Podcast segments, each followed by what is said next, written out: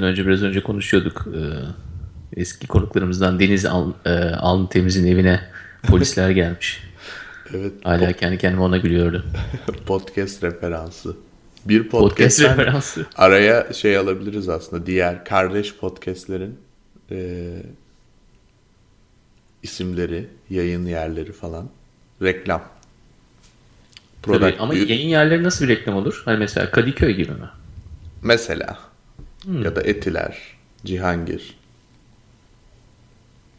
Sonra bir şey yaparız. Haritalama yaparız. Herkesin nerede olduğunu çok iyi bilsin ki polis herkese gelsin. Evet sonra o verileri polisle paylaşabiliriz falan. Güzel olur. Modern modern zamanlar. Neyse Onurcuğum e, yanımda bir konuğumuz var. Dördüncü dönemimizin ilk programında hiç bilmediğimiz bir şekilde kaydetmek istediğimiz bir programda yeni bir konuğumuz var. Kendisi e, Gökçe Saygın. Merhaba Gökçe. Merhaba, merhaba Onur. Gökçe merhabalar. Ee, Gökçe bu dönemimize çok uygun bir konuk. Çünkü e, ben bu dönemi birazcık kendimce sana sormadım bunu ama e, arayış dönemi olarak nitelendiriyorum. E, o yüzden kendisi de arayışta olan bir mimar. Yanlışım varsa düzelt. E, İstanbul Teknik Üniversitesi'nden mezun sonra Türkiye'yi gezmiş. E, Birçok mimarın aksine doğayla yani doğaya bir şeyler yapmaktan ziyade doğada yapılı olan şeylerin ne kadar iyi yapılıp yapılmadığına bakmış. Sonra da New York'a gelmiş. Şimdi de e, Architect isimli yani orada güzel bir araya bir kelime oyunu katarak çocuklar için e, mimarlık eğitimi projesi üzerinde çalışıyor. E, nedir mesela bu bütün bu standart dışı olan e, çabadaki arayıştaki asıl motivasyon nedir sence? Yani neden? Bizim genelde sorduğumuz bir soru oluyor. Ya, da benim belki de bilmiyorum. Onur gerçi daha güzel sorular soruyor da ben genelde hep şey soruyorum. İşte önünde bir sürü imkanlar var. Efendime söyleyeyim bir sürü iş teklifleri var. Ya da gidebilirsin çok para kazanabilirsin. Mimarlıktan genelde çok para kazanan çok az bir kitle var ama e, onu yapmıyorsun da işte böyle gidiyorsun. Ben doğadaki insanların yaptığı şeylere bakayım diyorsun. Ya da buraya geliyorsun çocuklara eğitim vereyim diyorsun. Yani burada normal bir mimarlık sertifikası X bir program açsan günde 2000 dolardan bir sürü para kazanırsın falan ama. Yani buna vakit harcamak yerine niye standart dışı şeylere vakit harcıyoruz? Neyin motivasyonu aslında düşündüğüm zaman sanırım tamamıyla kendimle ilgili bir şey. Yani ke- kendimi motive etmekle başlayan bir şey. Beni e, yani herkesin mimarlıkla ilgili, her mimarın diyeyim, mimarlıkla ilgili arayışı ya da beklentileri farklı. Kimisi meslek olarak görüyor bunu, kimisi gerçekten uğraş edinmiş.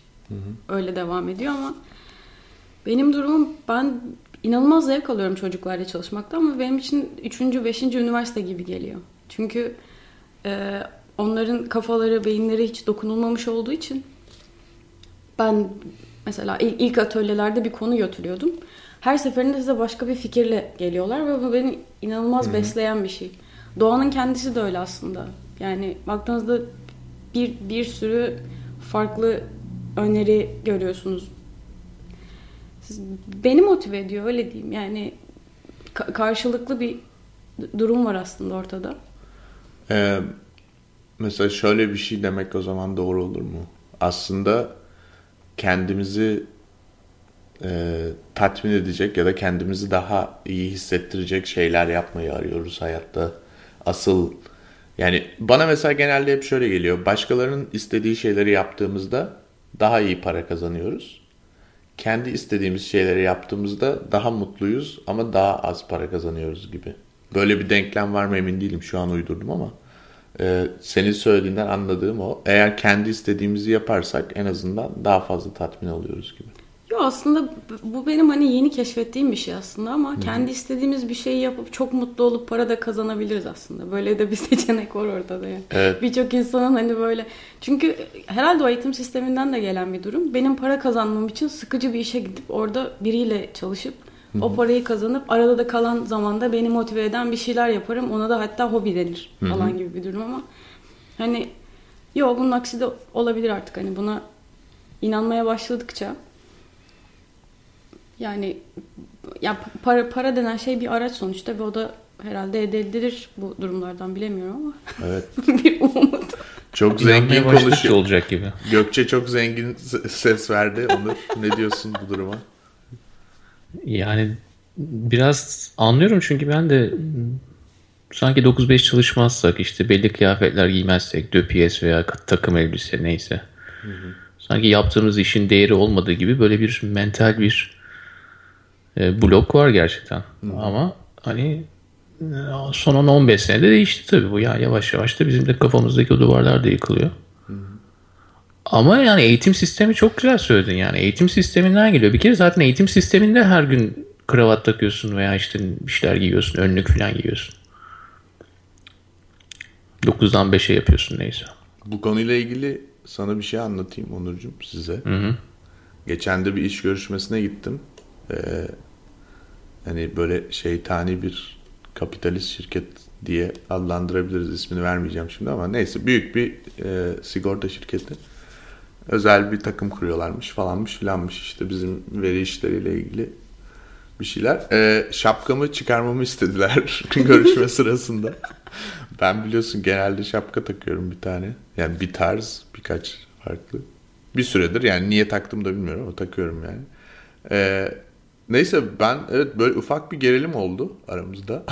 Sonuçta. Haliyle olmuştu tabii. ben böyle nasıl yani falan dedim.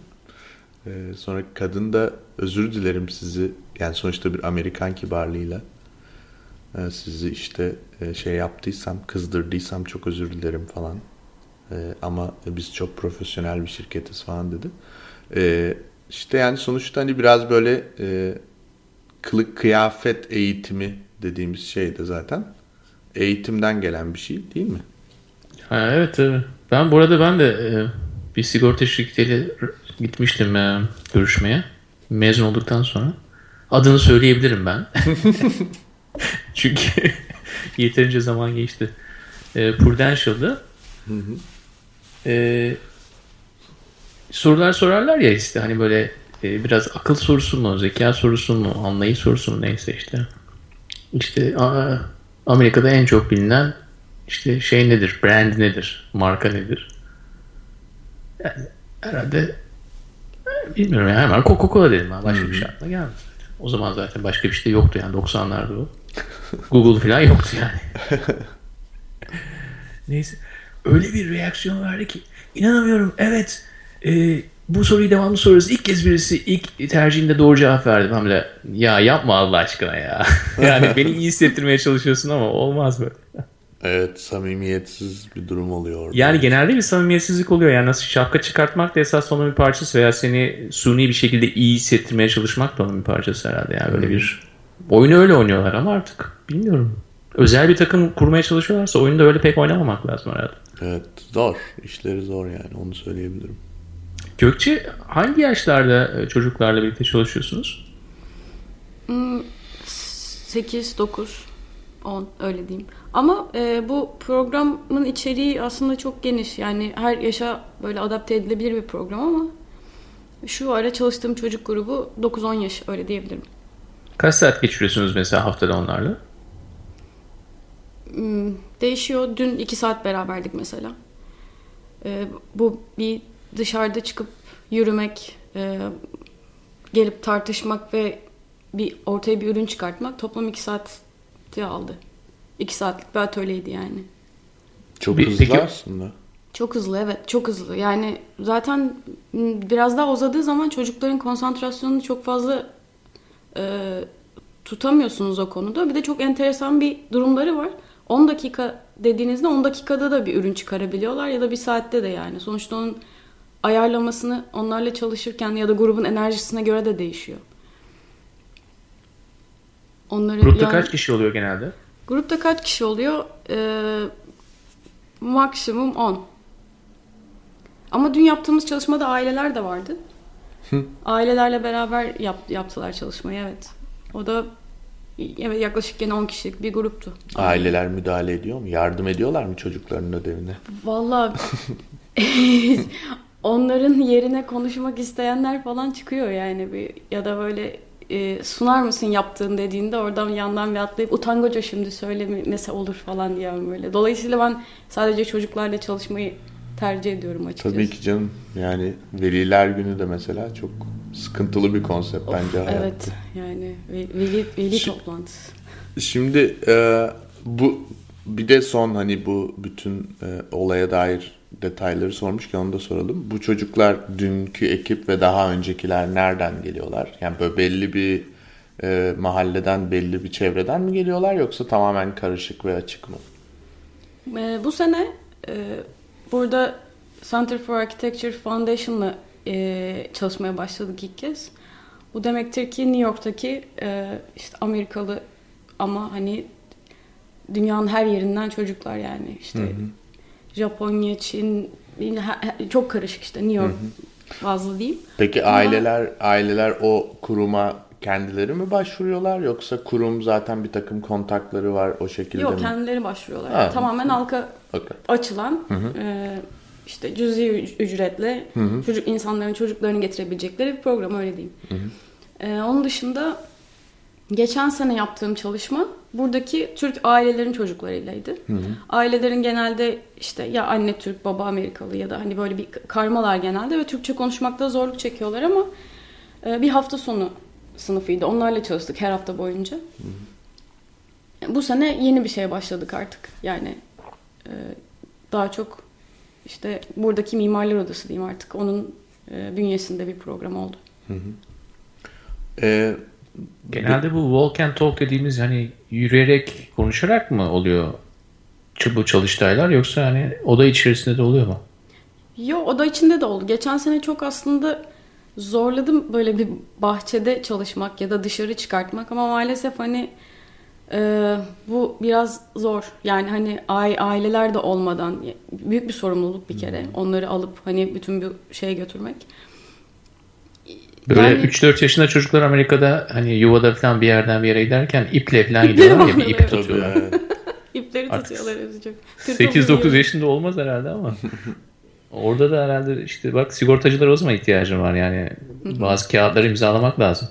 New York'ta karşıdan karşıya geçmek zor arkadaşlar. Biliyorsun. Ya sonuçta baktığınızda bir kurulu bir sistemin içinde e, değişik bir şey yapmaya çalışıyorsunuz. Yani o da e, şey enteresan. Çünkü çocukların gerçekten algı düzeyini arttırıp aslında temelinde o var. Yani hani ben niye yapıyorum bunu ya da niye bu bu kadar enteresan diye çok sordum kendime aslında ben de ve hani e, çocukların kendisi yani çocukların bu problem çözme ya da kendi kendilerine bir şey çözebilme yeteneklerini arttırdığını gördüm ben bir senede. Çünkü her çocuğun gerçekten bir şey algılama şekli çok başka. Ee, Dolayısıyla Türk eğitim sisteminde ya da genel eğitim sisteminde de böyle bir şey var. Öğretmenin tek yolu var. Ondan bir şey kapabiliyorsan kapabiliyorsun. Kapamıyorsan zaten başarısızsın. Bu kadar yani. Hani sen, sen nasıl algılıyorsun? Başka türlü anlatalım sana olmadığı için. Ama bu tür çalışmaların sonunda e, çocuk kendi kendini bir şekilde keşfedip nasıl öğrenebileceğini bulursa eğer bir yerinden bu ona bütün hayatı boyunca yardım eden bir şey haline geliyor. Şimdi o zaman bu bilmeyenler için çok kısaca ben bahsedeyim. Sen yanlışım varsa düzelt. Bu çalışmalarda işte neler yapılıyor? Mesela diyelim ki mimarlıkta bir takım terminolojiler var ve bir takım e, belli teknikler var. Fikir bulmak ya da fikri yansıtmak için üretilmiş. E, Gökçe bunları alıyor. Çok daha basit bir şekilde, basit demeyelim ama çok daha aslında indirgenmiş bir şekilde çocuklara gösteriyor. Ondan sonra onlardan bir şey yapmalarını bekliyor. Mesela kesit fikrini bir meyveyi keserek çocuklara gösteriyor. Bakın bu meyvenin profili. İşte bu önden görünüşü kesiyoruz. Bu da kesitinin görünüşü. Sonra çocuklar onu başka meyveler üzerine uygulayıp çiziyorlar. Şimdi bu e, bana ilginç gelen burada bu tekniklerin hepsi işte belli bir e, birikimden sonra mimarlıkta bulunmuş ve de adlandırılmış şeyler.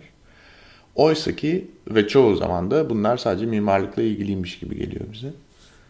Oysa ki aslında bunlar senin de yaptığın gibi hayatın her alanında uygulanabilecek bir takım yöntemler ya da aslında terimler.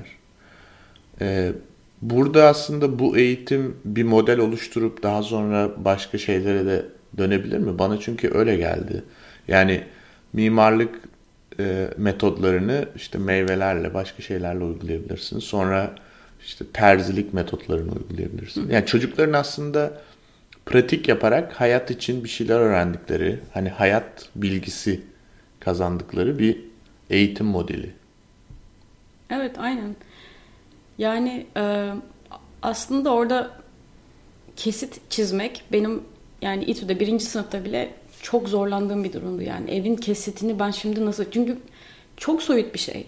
Genel eğitim sistemine baktığınızda da aslında verilen bilgiler çok soyut. Yani uzayda bir şey yani uzayda bir sistem düşünelim falan diye girerler mesela. Hı hı. Uzayda onu onu önce bir düşün bir şey hayal et ondan sonra oradan somut bir bilgi öğrenmeye çalış. Dolayısıyla baktığınızda eğitim sistemi gerçekten soyut. Ama o hani meyveyi çocuğa gösterip bak bu görünüş bunu kestiğin zaman buna kesit deniyor ve içinde de böyle bir şey var. Dolayısıyla aslında soyut bir şeyi somut hale getirip çizgiyle hani çizip gayet somut bir ürün çıkarıyor aslında hı hı. ortaya. Bu düşünce yapısı bunu sürekli yapıp mesela başka bir çalışmada da sesleri yazmak diye bir şey yaptık. Hı hı. Duyduğunuz sesleri yazmaya çalışın. Düşündüğünü görselleştirmek, somutlaştırmak. Dediğin gibi matematik de böyle yani bir odanın işte kenarına bakıp bak bu 90 derece. Aslında matematik de, fen de bizim o gördüğümüz tüm soyut bilgiler hayatın içinde var. Hayata dokunuyor, hayata entegre. Yani bu yüzden de aslında tarihi tarih gibi öğrenemiyoruz ya da konuşurken hani kaçımızın aklında öğrendiğimiz tarih kalıyor. Hı hı. Bir programınızda konuşmuştunuz onu yani insanlık tarihi ya da biz benim hani bana yarayacak ve hayatta kullanabileceğim ne kadar bilgi alıyoruz okuldan. Aslında hı hı. bu çok az. Hani dolayısıyla da evet dediğin gibi kesinlikle bir metot olarak eklenebilir. Ben mesela ilkokuldayken e, e, eskiden artık yapılmıyor galiba ama e, bu kurtuluş günlerinde tarih deyince aklıma geldi tarih ve pratik e, bu kurtuluş günlerinde bir takım canlandırmalar oluyordu. Onur sen biliyorsundur belki. Çok iyi biliyorum onları evet. E, işte düşmanlardan kurtulduk falan. E, ben mesela orada hep biraz paralize oluyordum o günlerde. Çünkü hani sonuçta kahraman Türk askeri oluyorsun falan ya. E, sonra düşmanlarda sınıf arkadaşların oluyor ya. Yani sonuçta tanıdığın insanlar oluyor. Kıyafetler giyiliyor falan. Ee, orada şey böyle... gibi drama terapi gibi bir şey esas. Evet bir de şimdi işin komik tarafı Türkiye tarihini düşündüğünde hani hakikaten durum da öyle ya aslında. Yani düşmanlar da komşularmış ya. Yani özellikle batı tarafta, doğu tarafta da aslında. Hani kurtulduğun kişiler aslında yanda oturan komşu yani 200 senelik. Ee, neyse yani hani ama bu e, benim için mesela o en bütün kitapların dışında en e, şey olan e, en net hatırlanan şey de oydu. Yani Burada aslında böyle bu pratik yaparak öğrenmek ya da pratik yaparak öğrendiklerimizi anlamak ya da anlayamadığımız herhangi bir şeyi anlamaya çalışmak için pratik yapmak e, aslında bir sürü kitabı okutmaktan ya da okutmak zaten hani okumaktan ya da okutmaktan çok daha mantıklı geliyor. Bu aslında böyle bu köy enstitüleri kavramıyla çok örtüşen bir şey değil mi? Evet. Benim iki dedem de köy enstitüsü mezunu bu arada. Köy enstitülü öğretmenler idik hangi, zaman. Hangi köy enstitülerinden diye soralım. Gölköy. yani şöyle babam da öğretmen okulu da okumuş ama hani son kapatıldığı seneye denk gelmiş ve çok birebir dinledim ben onlardan hani köy enstitüsü eğitimi nasıl.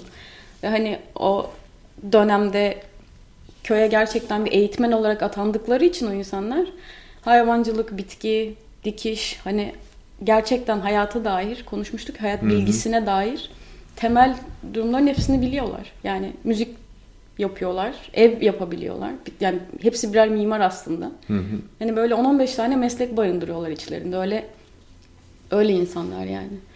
Burada Onur sen hala meslek evet. sevmiyorsun. En son öyle hatırlıyorum.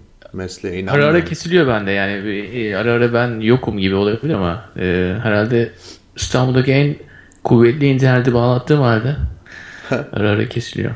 Yok kesilmekten ziyade e, meslek konusunda düşüncelerin değişti mi onu merak ediyorum. Hayır ben mesleğe inanmıyorum.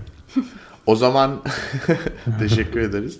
Ee, o zaman şöyle bir en son Gökçe'nin de dediğini duydun mu bilmiyorum ama kendisi dedi ki köy enstitülerinde e, çalışanlar ve okuyanlar 10-15 mesleği birden yapıyorlardı dedi. Evet orayı duydum. Yani gerçekten de e, ben biliyorsun Amerika'da bu liberal arts denilen e, sistemi yani üniversite sırasında meslek seçiminin 3. sınıfta olması ve orada bile o tercihin yapılmasında kısıtlı olarak yani diyelim e, üniversite boyunca 40-50 ders alıyorsan yalnızca 10-15'inin o seçtiğin dalda olması, diğerlerinin başka daldan olmasını hep dünya üzerinde yani e, tekrar edilmesi gereken bir model olarak görüyorum. Yani Amerika'nın birçok şeyini gerçekten tekrar etmemek gerekiyor. Çok hata yapıyorlar ama bu üniversite sistemindeki bu e, kuvvetli bir model ve bunu Türkiye'de e, birkaç ilerici düşünen insan sayesinde ve o zamanki akımlarda etkilenen insanlar sayesinde de gerçekten yapmışlar. Yani Gökçe'nin iki dedesinin birden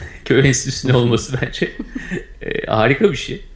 E, ama bunu 10-15 tane hani beceriyi bir insanda toplamak ve hem düşünsel hem de fiziksel olarak bu insanların bu hani bizim geçen hafta bahsettiğimiz defragmentasyon içerisinde değil ama hayatın içerisinde o uğraşların içerisinde olması e, onları güçlü insanlar haline getiriyor. Evet. Ee, yani bunun illa üniversitede olması gerekmiyor. Belki çok daha öncesinde olabilir. İşte köy enstitüleri de bunun çok güzel bir örneği. Hı hı. Yani bir çoğu insan sorar işte neden bu işte köy enstitüleri nostaljisindedir hep onlardan bahsediyorsun hep onlardan e, bahsediliyor hani bizden büyükler de onlardan bahsediyor çünkü bir nedeni var yani orada bir doğru tutturulmuş ama o şu o doğruyu şu anda yayamıyoruz veya şu anda onu gerçekleştiremiyoruz. Bir de yani hayatta genelde zamanının ötesinde olan şeylerden çok bahsediyoruz.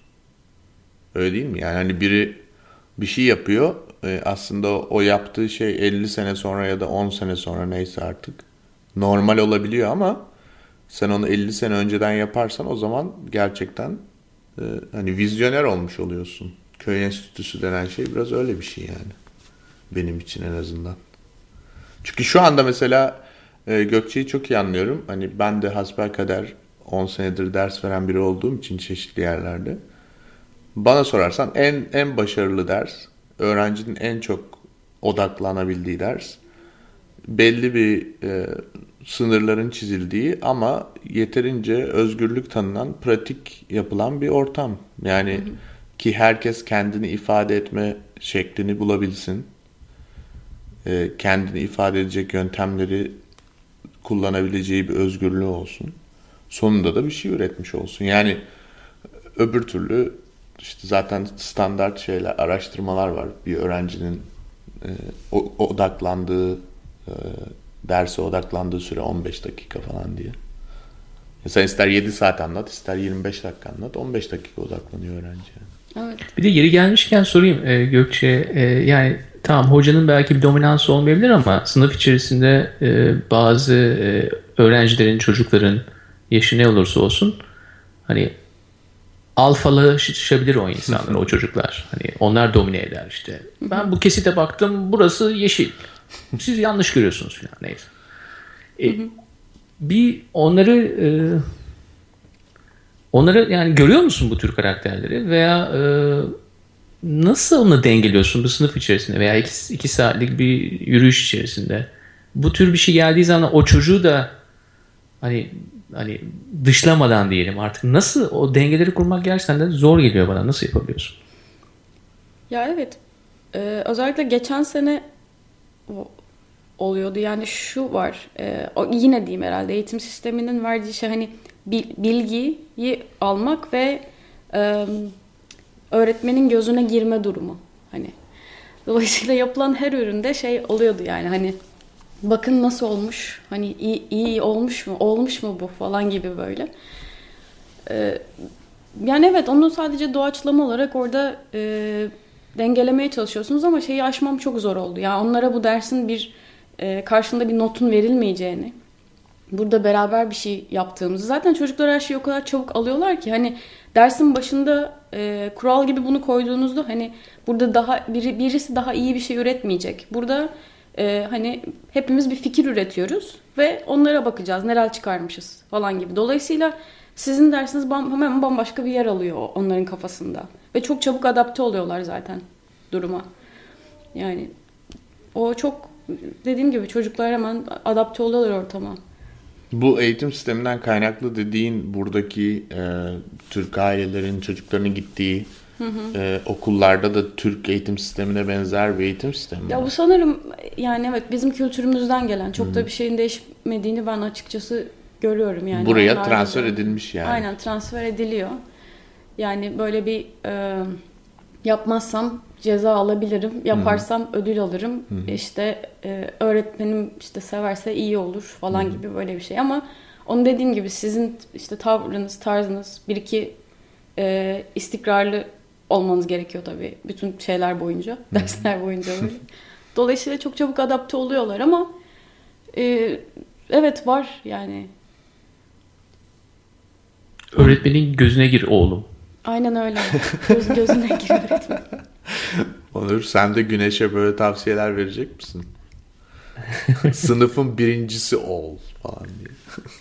bir de şey çok komik bana ceza yöntemi komik geliyor. Yani ceza bir şeyi aslında e, yapmama hakkı veriyor sana bir anda düşündüğünde de. Yani ödevi yapmazsan hmm. cezan var. E, o zaman tamam yapmam bunu da öderim falan gibi. Tabii bir... zaten işte bütün e, yani açıkçası ben de lisede çok eğitime odaklı bir hayat geçirmedim ne yalan söyleyeyim. Ee, daha hayatla ilgiliydim. O yüzden hep onun orada bir şey oluyor. Ha bunu yapmayabilirim çünkü o zaman onun cezası o. Tamam o zaman o cezayı şöyle yaparız. Öbürünü evet, belki bir deney yaparım. yapmışlar. Hı hı. Ee, insanlar yuvalarından çocuklarını almakta geç kalıyormuş zaman zaman. E, biliyorsun yani yuva diyelim 3'te kapanıyorsa e, veya 4'te kapanıyorsa insanlar işlerinden geç gelebiliyor bazen. İşte çocuklarını almakta geç kalabilirler. Neyse e, o zaman da öğretmen beklemek zorunda kalıyor çocuklarla birlikte. E, demişler ki işte her geç kaldığınız 15 dakika için 5 lira 5 dolar ödeyeceksiniz. Bunu yaptıktan sonra geç kalan sayısı artmış. Çünkü diyor ki zaten bu kompanse ediyor bunu. Yani ben parasıyla değil mi kardeşim işte 5'te geldim ben. Aa, ver işte 20 doları tamam. Çocuğu o zaman alayım diye düşünüyor. Yani cezayı verdiğin zaman daha esas da o davranışı daha da tasdiklemiş oluyorsun. Çünkü cezası belli oluyor aslında. Bir de kendi kendine rasyonize ediyorsun yani. Gerçekten de herhalde buradaki bu kişinin bekleyen kişinin maaşının bir kısmını da ben ödüyorum. Suçluluk duymamana gerek yok şeklinde. O zaman mesela bu senin e, uygulamaya çalıştığın sistemde Gökçe yanlış yapmak tanımlı olmadığı için, Hı-hı. hatanın bedeli Aynen. belli olmadığı için aslında gerçekten o zaman herkes bir şey yapmak zorunda kalıyor. Aynen. Çünkü e, yani yapılmaması durumundaki ortaya çıkacak olan sorunların bedeli belirsiz yani. Aynen öyle ve hani e, ben kişisel olarak da motive ettiğimi düşünüyorum çocukları çünkü hepsi gerçekten inanılmaz ürünler çıkarıyorlar. Yani o kadar garip ki birine çok iyi olduğunu söylediğiniz zaman diğerleri duyarsa diğerleri de onu aynı anda duymayı bekliyor. Hı hı. Bunu yaparken bile çok dikkatli olmak durumundasınız. Yani birisi hakikaten çok iyiyse evet söyleyeceksiniz yani hepsine genel konuşmanız lazım. Hı. Çünkü aradan gerçekten onu biraz daha fazla duymayı istiyor olan bir çocuk çıkıyor. Diyor ki ben de iyiydim değil mi? Ben de iyiydim hani falan. Hı. Onları çok iyi dengelemeniz lazım. Hani biraz daha fazla motivasyona ihtiyacı olan çocuğu görüyorsunuz ama bunların hepsi tabii şeye giriyor. Ben terapist değilim. Yani Hı-hı. çocuk terapisti değilim. Ama bunları sadece kendi hislerim doğrultusunda yapıyorum öyle diyeyim. Sadece orada bir çalışma çıkarıyoruz ama çok temel şeyleri çocuklarla paylaşıyorum yani.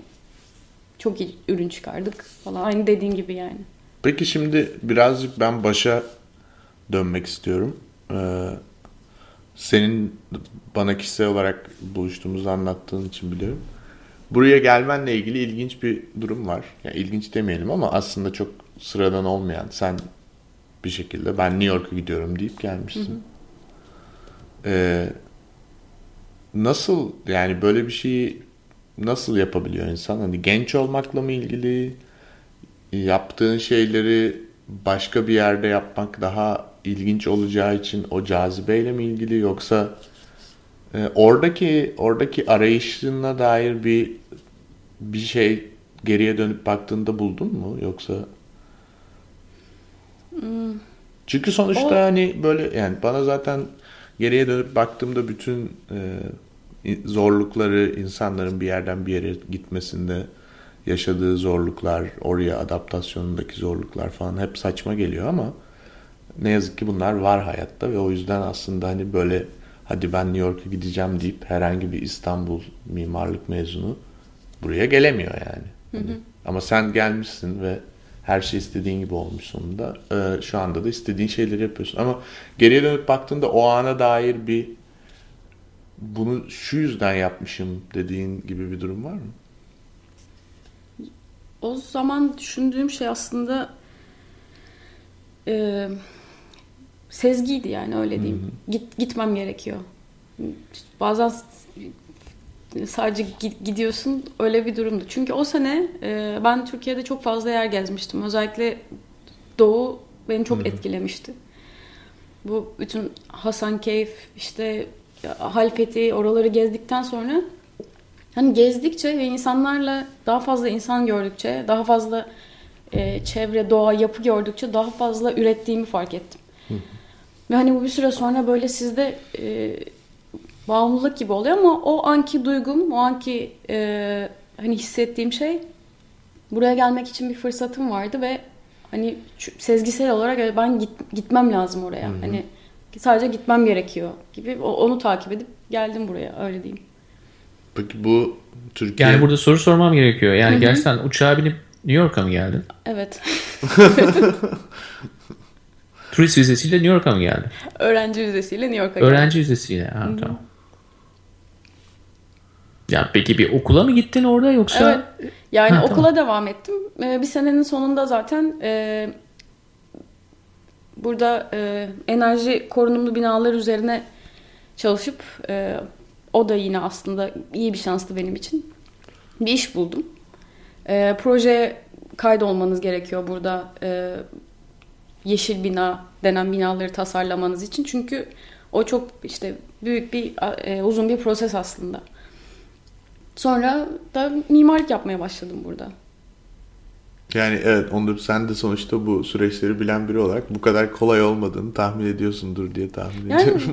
aslında buraya buraya gelmek böyle bir şey herhalde patlamanın böyle son noktası gibiydi. Çünkü o kadar hani e, sıkışmış hissetmiştim ki kendimi Türkiye'de ve hani oturduğum ofise bakıp yaptığım işe bakıp hani ben ne yapıyorum yani bu, bu mu? Hani çok sorgulamamın çok fazla böyle e, yükseldiği bir dönemde öyle diyeyim yani. Çok fazla sorguluyordum her şeyi. Ve sorgulamanın ana sebeplerinden bir tanesi de hani mezun olduktan sonra Türkiye'yi gezmiş olman. Evet aynen. Özellikle Doğu'yu. Yok hayır yani ge- genelde zaten hep sorguluyordum ama iste, istediğim şeyi yapamamamdı yani. Ben bunu yapmak istemiyorum. Ben ben böyle bir hayat istemiyorum yani bu ofiste çalışıp işte ufak e, mağazalar tasarlayıp ya da re- işte konutlar tasarlayıp hani beni gerçekten mutlu etmemeye başlamıştı o durum. Ve Ama bir ne fırsatlar kaçırıyorsun yani şu anda dünyanın en güzel, en büyük alışveriş merkezlerini yapabilirdin. ya evet Onur ben bile yani buradan takip ediyorum. Diyorum acaba geri mi dönsem? Ya alışveriş merkezine benim bakışım şöyle olmuştu. Yani Loç, Loç Vadisi'ne gidip orada hidroelektrik santrali yapılıyordu. Yasa dışı tamamen. Ve hani e, oraya gidip aynı Gezi Parkı'ndaki gibi insanlar orada bekleyip e, o vadiyi öyle kurtardılar. Mesela Türkiye'nin bütün satılmış vadileri gibi. Ve e, sadece o kocaman vadiyi kapatıp oraya yapılacak bir hidroelektrik santralinin bir AVM'nin elektrik sistemine yettiğini düşündüğümde AVM ben yapmak istemiyorum. Yani öyle öyle bir durum oluyor. Hani bütün bunları ben ne yapıyorum? O çizgiyi niye çiziyorum oraya? Çünkü mimarken hakikaten elinize alıp çizdiğiniz her çizginin bir bedeli var yani. Bir, bir gerçeğe dönüşüyor sonuçta. Ee, bunu fark ettiğiniz zaman da e, eğer birazcık duyarlılığınız varsa her, çok rahat mimarlık yapamıyorsunuz Türkiye'de. Yani Sadece Türkiye'de değil ama. ya da galiba. dünya dışı her yer tabii. Aynen öyle. Yani sonuçta tabii burada ya da e, özellikle Avrupa'da buradan ziyade bence burası da biraz daha hani vahşileşebilen bir yer ama Ha, evet. e, çok ağır kurallar, kanunlar, hükümler var. O yüzden çok fazla hani hatta o inanılmaz da yavaşlatıyor. Biliyorsun evet gayri safi milli hasıla falan düşük yani o yüzden Avrupa'da. Ee, ama dediğinde haklısın. Ee, yani genel olarak hani bizim tasarımcılar arasında tartıştığımız bir konu genelde mimarlar tasarım ortamındayken şey derler. Yani benim gibi insanların yaptığı işler sonuçta insanları ne bileyim işte yeni bir uygulama kullanabiliyor telefonunda ya da bir web sitesi geziyor bir şey oluyor. Senin yaptığın yüz, bir şey yüzünden kimsenin ölme ihtimali yok derler. Hı hı. Artık hani bence birazcık değişiyor o, o, o meselede. Sonuçta bir telefona bakarken de yolda yürürken ölebilir ama. Ee, ama yani mimarların sorumluluğu yani gerçekten günahları boynuna diyorum. Herkes... Ama sanki bu sorumluluk şu anda da devam ediyor Gökçe için. Yani düşünsene işte çocuğa biraz önce verdiğin örnekler de öyle. Ee, ne söylediğin yani değil kelimen bir bakışın bile onda iz bırakıyor. Evet.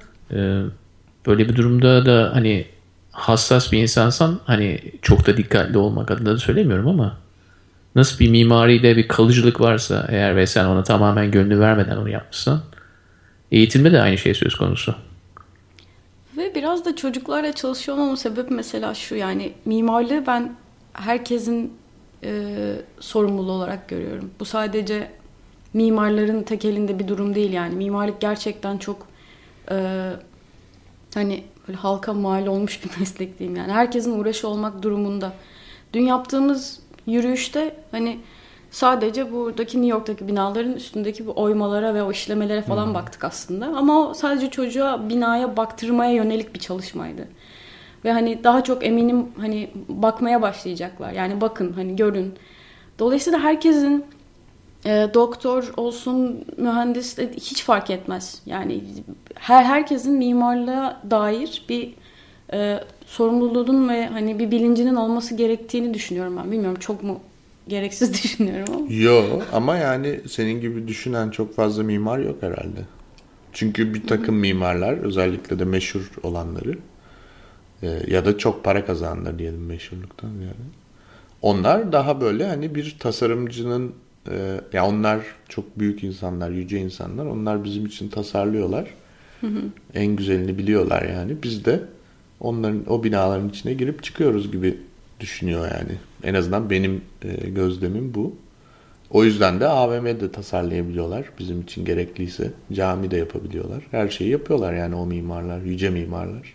Evet. Ee, ama ben sana katılıyorum tabii ki. Yani sonuçta özellikle yani bu kadar değişmiş bir dünyada, bu kadar herkesin birebir bağlantılı olabildiği bir dünyada birinin bir diğerinden daha fazla söz sahibi olması özellikle kamusal bir alan için çok mantıklı gelmiyor bana ya da en azından sürdürülebilir değil. Şu anda hala böyle oluyor olabilir ama. Hı hı. Onur? Ya İstanbul'da da bu turları yapalım Gökçe. Ben çok istiyorum. Yani e, İstanbul'a gel, gelip gidiyorum be, belli aralıklarla ve artık hani her gidip geldiğimde bunu yapmak istiyorum açıkçası. E, böyle bir hep aceleye gelen durumlar oluyor. İşte biliyorsun orayı ziyaret edip geri gelmek ama gerçekten istiyorum. Ee, yani özellikle benim İstanbul'da yaşarken e, gece kondularla ilgili yani bir düşüncelerimi paylaşayım. Yani iki yıl oldu Türkiye döneli. E, gece konulara olan bakışımda hani biraz daha bir farklılık var geçmişe oranla. Yani onların değerini daha iyi anlıyorum şu anda. Onu söyleyebilirim size. E, çünkü bir gece kondu oluşumunda e, hangi gereklilikten oluşmuş, nasıl yapılmış, e, o sürecin de çok e, e, iyi anlaşılmadığını düşünüyorum. Hı hı. Ve oradaki emeğin ve yaşam kültürünün de e, e, kullanacak bir şey olduğunu düşünüyorum. Şimdi biraz buna çok fazla romantik diye düşünebilirsiniz ama e, özellikle planlı ama hani insanı ve hani orada büyüyen çocukları acıyacağın bir şekilde olan planlama sonucu olan binaları gördükten sonra hani gece kodu mahallelerindeki o doğallık veya oradaki yaşayışta hani bütün zorluklar yanındaki e, iç içelik olsun. E, onun değerini yavaş yavaş daha da iyi anlamaya başlıyoruz. Tabii ki hiçbiri işte işte şu olsun bu olsun bu doğru bu da yanlış şeklinde değil de bence bir şehrin gelişiminde e, bütün evrelere karşı en azından bir saygılı bir duruşumuz olması lazım. Belki ileride bu AVM'lere karşı da biraz daha saygılı duracağız. yani onların da bir işlevi var. onların da insanları bir araya getirme unsurları var. Ee, onun için hani bütün bu konuları düşünmek beni hep işte neyin neyin doğru neyin yanlış olduğuna karşı e, çok peşin hükümlü olmamak gerektiğini hatırlatıyor. Abi. Ama gerçekten Türkiye'de İstanbul'da yapalım ya bunu. 8-10 çocuk buluruz yani. Olur, tamam. İp falan da gerekmez yani. Onları yürü, yani el ele tutuşur yürürüz merak etme. ben ruhsatları falan alırım yani. E, tanıdıklar var şeyde belediye meclisinde. Ama gerçekten şu anda bu böyle bir hani bence ihtiyaç olmaya başladı. Çünkü ben çocukken biz hep yani mahalle denilen ortamda büyüdük yani. Hep sokaktaydık ama şu anda çocuk çocukların sokağa çıkma e, durumunda da büyük bir tehlike var yani. Sokakta çocuk çok zor oynuyor. E tabi yani orada birçok unsur var. Özellikle Hı-hı. gelir seviyeleri değişik olan insanların artık değişik getolarda yaşaması ve hani sokağa çıktığın zaman oyun oynadığın zaman e, senin ailenin gelir seviyesine benzer gelir seviyede insanlar olması. Onun için dünyayı hep öyle görmeye başlaman. E, işte sanki herkes e, belli bir gelir kesiminden, eğitim seviyesinden geliyor gibi. Efendime söyleyeyim ondan sonra işte bir çocuk için en güzel şey nedir? İşte e, keşfetmek. E zaten yani bir cetvelden çıkma yerleri keşfetmek için çok fazla da bir hissin olmuyor. Ya zaten hepsi birbirine aynı diyorsun. Bir de imkanın olmuyor. Yok şurada güvenlik var. Yok şurada çimlere basma. Yok efendim şuradan düşersin falan şeklinde. E, zor ya çocuk olmak. Ya okul okul binaları da öyle aslında. Yani baktığın zaman. Ben bir konferansta bir slide göstermiştim. Ee, ve yani böyle duvardan çekilmiş, yüksek duvarından çekilmiş bir bina fotoğrafı. Ve hani okulun o muhitte olduğunu söyleyip hani hangi okul acaba bu? Siz tanı biliyor musunuz deyip hani dinleyicilerden tahmin etmesini istedim ve hani böyle 10-15 tane okul ismi geldi. Ama aslında gösterdiğim bina bayağı kapalı cezaevi fotoğrafıydı yani. Hmm. Ama kimse çıkıp hani böyle ya bir dakika bu okul değil demedi. Hani kabul ettiler yani onun bir okul olduğunu. Hmm. Ve düşündüğünüzde aslında hakikaten iki, iki tarafta da aynı yani. Herkes aynı giyiniyor. Kapıda nöbetçi var. Yoklama alınıyor falan böyle enteresan bir durum. Sonra düşününce böyle bir garip geldi. Hani ok- okulda da öyle yani normal e, yaşantıları yaşantımız da çok kısıtlı. Okul hayatı da aynı şekilde öyle. Zor zor bir durum eğitim. Peki bu... Hadi hep beraber köyümüze dönelim. Ee, peki nasıl görüyorsun bu yaptığın çalışmaları uzun vadede? Yani böyle bir bu bir serüven gibi bir şey mi? Yani ne olacağı belli değil. Hani bu sene şu anda bu e, enstitüyle devam ediyor. Seneye başka bir şey olabilir. Çok daha büyüyebilir, çok daha küçülebilir. Arjantin'de olabilir, İstanbul'da olabilir. Ne olacağı belirsiz mi yoksa kafanda böyle ben şöyle bir şey istiyorum. Mesela 5 tane daha mimar olsun, bana katılsın birlikte bunu e, daha büyütelim, organize edelim falan. Bir plan var mı yoksa bir serüven mi? Yani ikisi de diyebilirim aslında. Çok kesin planlar e, yaptığım zaman kendi hayatıma da dair sanki birçok olanağı göremiyormuşum gibi geliyor bana. O yüzden ucu açık bir şey aslında.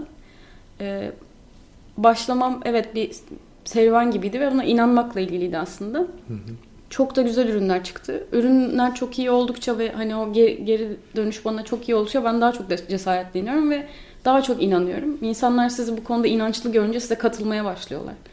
Dolayısıyla hani giderek büyüyen ve böyle hani çok e, iyi iyi bir yere doğru giden bir durum var şu anda. Dolayısıyla ikisinin ortasındayım diyebilirim evet. Yani Güzel formülleştirebilirsin bunu. Diğer e, kentleri de yayılabilir. Başka mimarları da işe alabilirsin tabii. Ama yani insan galiba yalnızca tek bir çözüm yok. İşte şunu yapayım bu doğrusu bu yanlışı değil. Hı hı. Ee, belki bir süre sonra bunu hiç yapmamaya bambaşka, bambaşka bir şey yapmaya başlayacaksın. Evet. Yani bilmiyorum ya açık olmak çok önemli bir şey. onu diyorum bur- buraya e, geleceğimin yani New York'ta olacağımın bir planı hiç yoktu. Dolayısıyla ne kadar hani o konuda açık, yani akışta olursanız aslında iyi fırsatlar çıkıyor. Farkındalığınız devam ettiği sürece. Acaba Hayır. şeyi düşünüyorum da ikinizin de söylediklerinden. Acaba hayatta planı olan insanlar mı daha çok etki ve başarı demek istemiyorum ama e, başarı sahibi oluyorlar yoksa kafası açık olanlar mı? Ya hayır arayış dedin ama yani sen de hep bir çözüm bulmaya çalışıyorsun. Yok şu mu oluyor, şu mu oluyor. E tamam arıyorum işte. Çözemezsin. ama arayıştayım. ya geçen gün bir şey okudum. E, makale okudum. İşte çok başarılı insanlar artık tek tip giyiniyorlar. İşte her gün aynı şeyi giyiyor. Biliyorum. E, çünkü evet. sabahleyin e, düşünmesine gerek kalmıyor ne giyeceğini. Evet. Bir- İşte bakınız e, Steve Jobs veya işte Zuckerberg. E tamam da yani öyle yapmayan da birçok insan var. Onlar da tırnak içerisinde başarılı diyor. Yani bu tür şey ikilemlerden çıkmanın hiçbir zaman imkanı yok. Yok başarılı o yüzden demek istemedim aslında ama e, şunu demek istiyorum. Yani e, bir şeyleri değiştirmek istiyorsan hayatta en azından öyle diyelim. Çünkü başarı onların başarı dediği şey para yani. O makaleyi ben de okudum. Aynı makaleyi. Onların başarıdan anladığı şey para. Çünkü hani Steve Jobs ne bileyim Einstein kadar başarılı bir adam mı? Değil yani tabii ki. Ya da işte Zuckerberg bir Nazım Hikmet kadar başarılı mı yani? Bence kesinlikle değil. Hani o yüzden öyle bir şey demiyorum ama e, mesela bazı e, özellikle diğer insanların hayatında bir etki bırakabilmek, diğer insanlarla birlikte bir şeyleri değiştirebilmek istiyorsak o zaman nasıl olmalıyız? Bana sanki hep şey gibi geliyor. İkincisi yani senin söylediğin gibi geliyor. Ne kadar kapıları açık bırakırsak Ama akışta olmak da içinde bir plan içeriyor gene. Yani o planı iki senelik kalkınma planı gibi değil de hani haftalık yapmam gereken durum gibi bir şey yaparsın. Yani gene içinde mesela bu yaptığım bir, bir saatlik dersleri çok iyi planlamanız gerekiyor. Çünkü çocukları bir şekilde kontrol etmek değil ama yönlendirmek durumundasınız. Neyin ne kadar süreceğini yani. Dolayısıyla böyle bir uzun vadede baktığınızda hepsini bir araya topladığınızda müthiş bir planın sonucunda gelen bir şey aslında. Ama benim bahsettiğim şey gerçekten hani sorduğunuz zaman ya seneye işte ne düşünüyorsun? Seneye hiçbir şey düşünemiyorum yani. Yani bir, bir, bir aydan daha ötesini düşünme yeteneğim benim gerçek. Üç O da- haftada tıkanıyor. Onur sen 3 hafta diyorlar. Senin ne kadar? Maksimum. Ya ben bu son söylene gerçekten katılıyorum. Hafta hafta planlamak gerekiyor. Yani açık olmakla ne kadar açık olmak olduğu da önemli. Şimdi yani atarsın bir joint işte dersin ki aa elmayı çizin yok kesit yapın abi ne yaparsanız yapın işte. Aa hepsi çok güzel abi mavi de güzel yeşil de güzel. Aa siyah mı bu? Hayır beyaz abi fark etmez. Yani e, o da var o da bir güzel o da olabilir. Ee, birkaç 10 yıl önce de yapılıyordu zaten de. Yani e, arada bir denge bulmak lazım ya biraz. Ben hafta hafta planlıyorum. Ee, biraz insanları galiba içine katmak için senin açık olmanın yanında e, ona bir de bir strüktür de vermen lazım. Yani mimari strüktürde nasıl biz açık hani hepimiz şeyde yatalım o zaman. Yani her gün dışarıda da yatabiliriz. Bu da bir opsiyon. Ama öyle bir şey buluyoruz ki tamam hani içeride olalım belli korunakları olsun ama işte camların e, toplam alandaki yüzdesi şu olsun ki şu hissi versin gibi böyle planlamalar yapılıyor değil mi? Yani onun gibi işte sen de bir strüktür yaratıyorsun. Bu 40 dakika ise 1 saat ise bunun belli e, şematik bir şekilde onu analiz edebilecek şekilde bile bir planlama olduğu halde içerisinde bir nedir? E, doğaçlama var. Aynı e, bizim adaptasyonu her hafta yaptığımız gibi. E, ister inanın ister inanmayın yani planlıyoruz da biraz değil mi? Toplantılar yapıyoruz, konuşuyoruz. Doğru evet. Çok plansız gibi geliyor durmuyorum ama kulağa. Bilmiyorum artık. İşin sürprizi bozulmuyordur umarım. Aslında bu beşinci kaydımız falan diye şimdi programın sonunda. Ya esas da evet Gökçe'yle de konuşuyorduk galiba. Kayıttan önce olanlar her zaman daha e, gülünç mü oluyor? Ne o? Daha fazla kahkaha atıyoruz. Artık programlarımızı biraz daha kahkaha atabilirim ya. Valla güzel dedin Onur. Bunu ben de düşündüm. Özellikle son e, programdan sonra. Daha çok gülmek gerekiyor, güldürmek gerekiyor. Galiba her türlü tasarımında e, evet Her türlü tasarımın bir açmazı vardır diyerek. açması var gerçekten. Gökçe'ye son bir sorun var mı? Um, İstanbul'dan sevgilerimi gönderiyorum her ikinize. Ee, Gökçe çok teşekkürler. Davetimizi kabul ettin ve bizimle bu hafta adaptasyona konuk olduğun için. Yaptığın güzel işlerin devamını diliyorum. Ama işler değişirse de onlar da o işlerin de güzel olacağını eminim. Onun için e, sevgiler İstanbul'a. Çok teşekkür ederim Onur. Çok sağ ol. Ben teşekkür ederim size. Teşekkür ederiz Gökçe. Onurcuğum bir sonraki programda Bir sonraki programda yeni konu ve konuklarla buluşmak üzere. çok Bir kahkaha atarak bitiriyorum. esenlikler diliyorum sana o zaman. Sana da o zaman.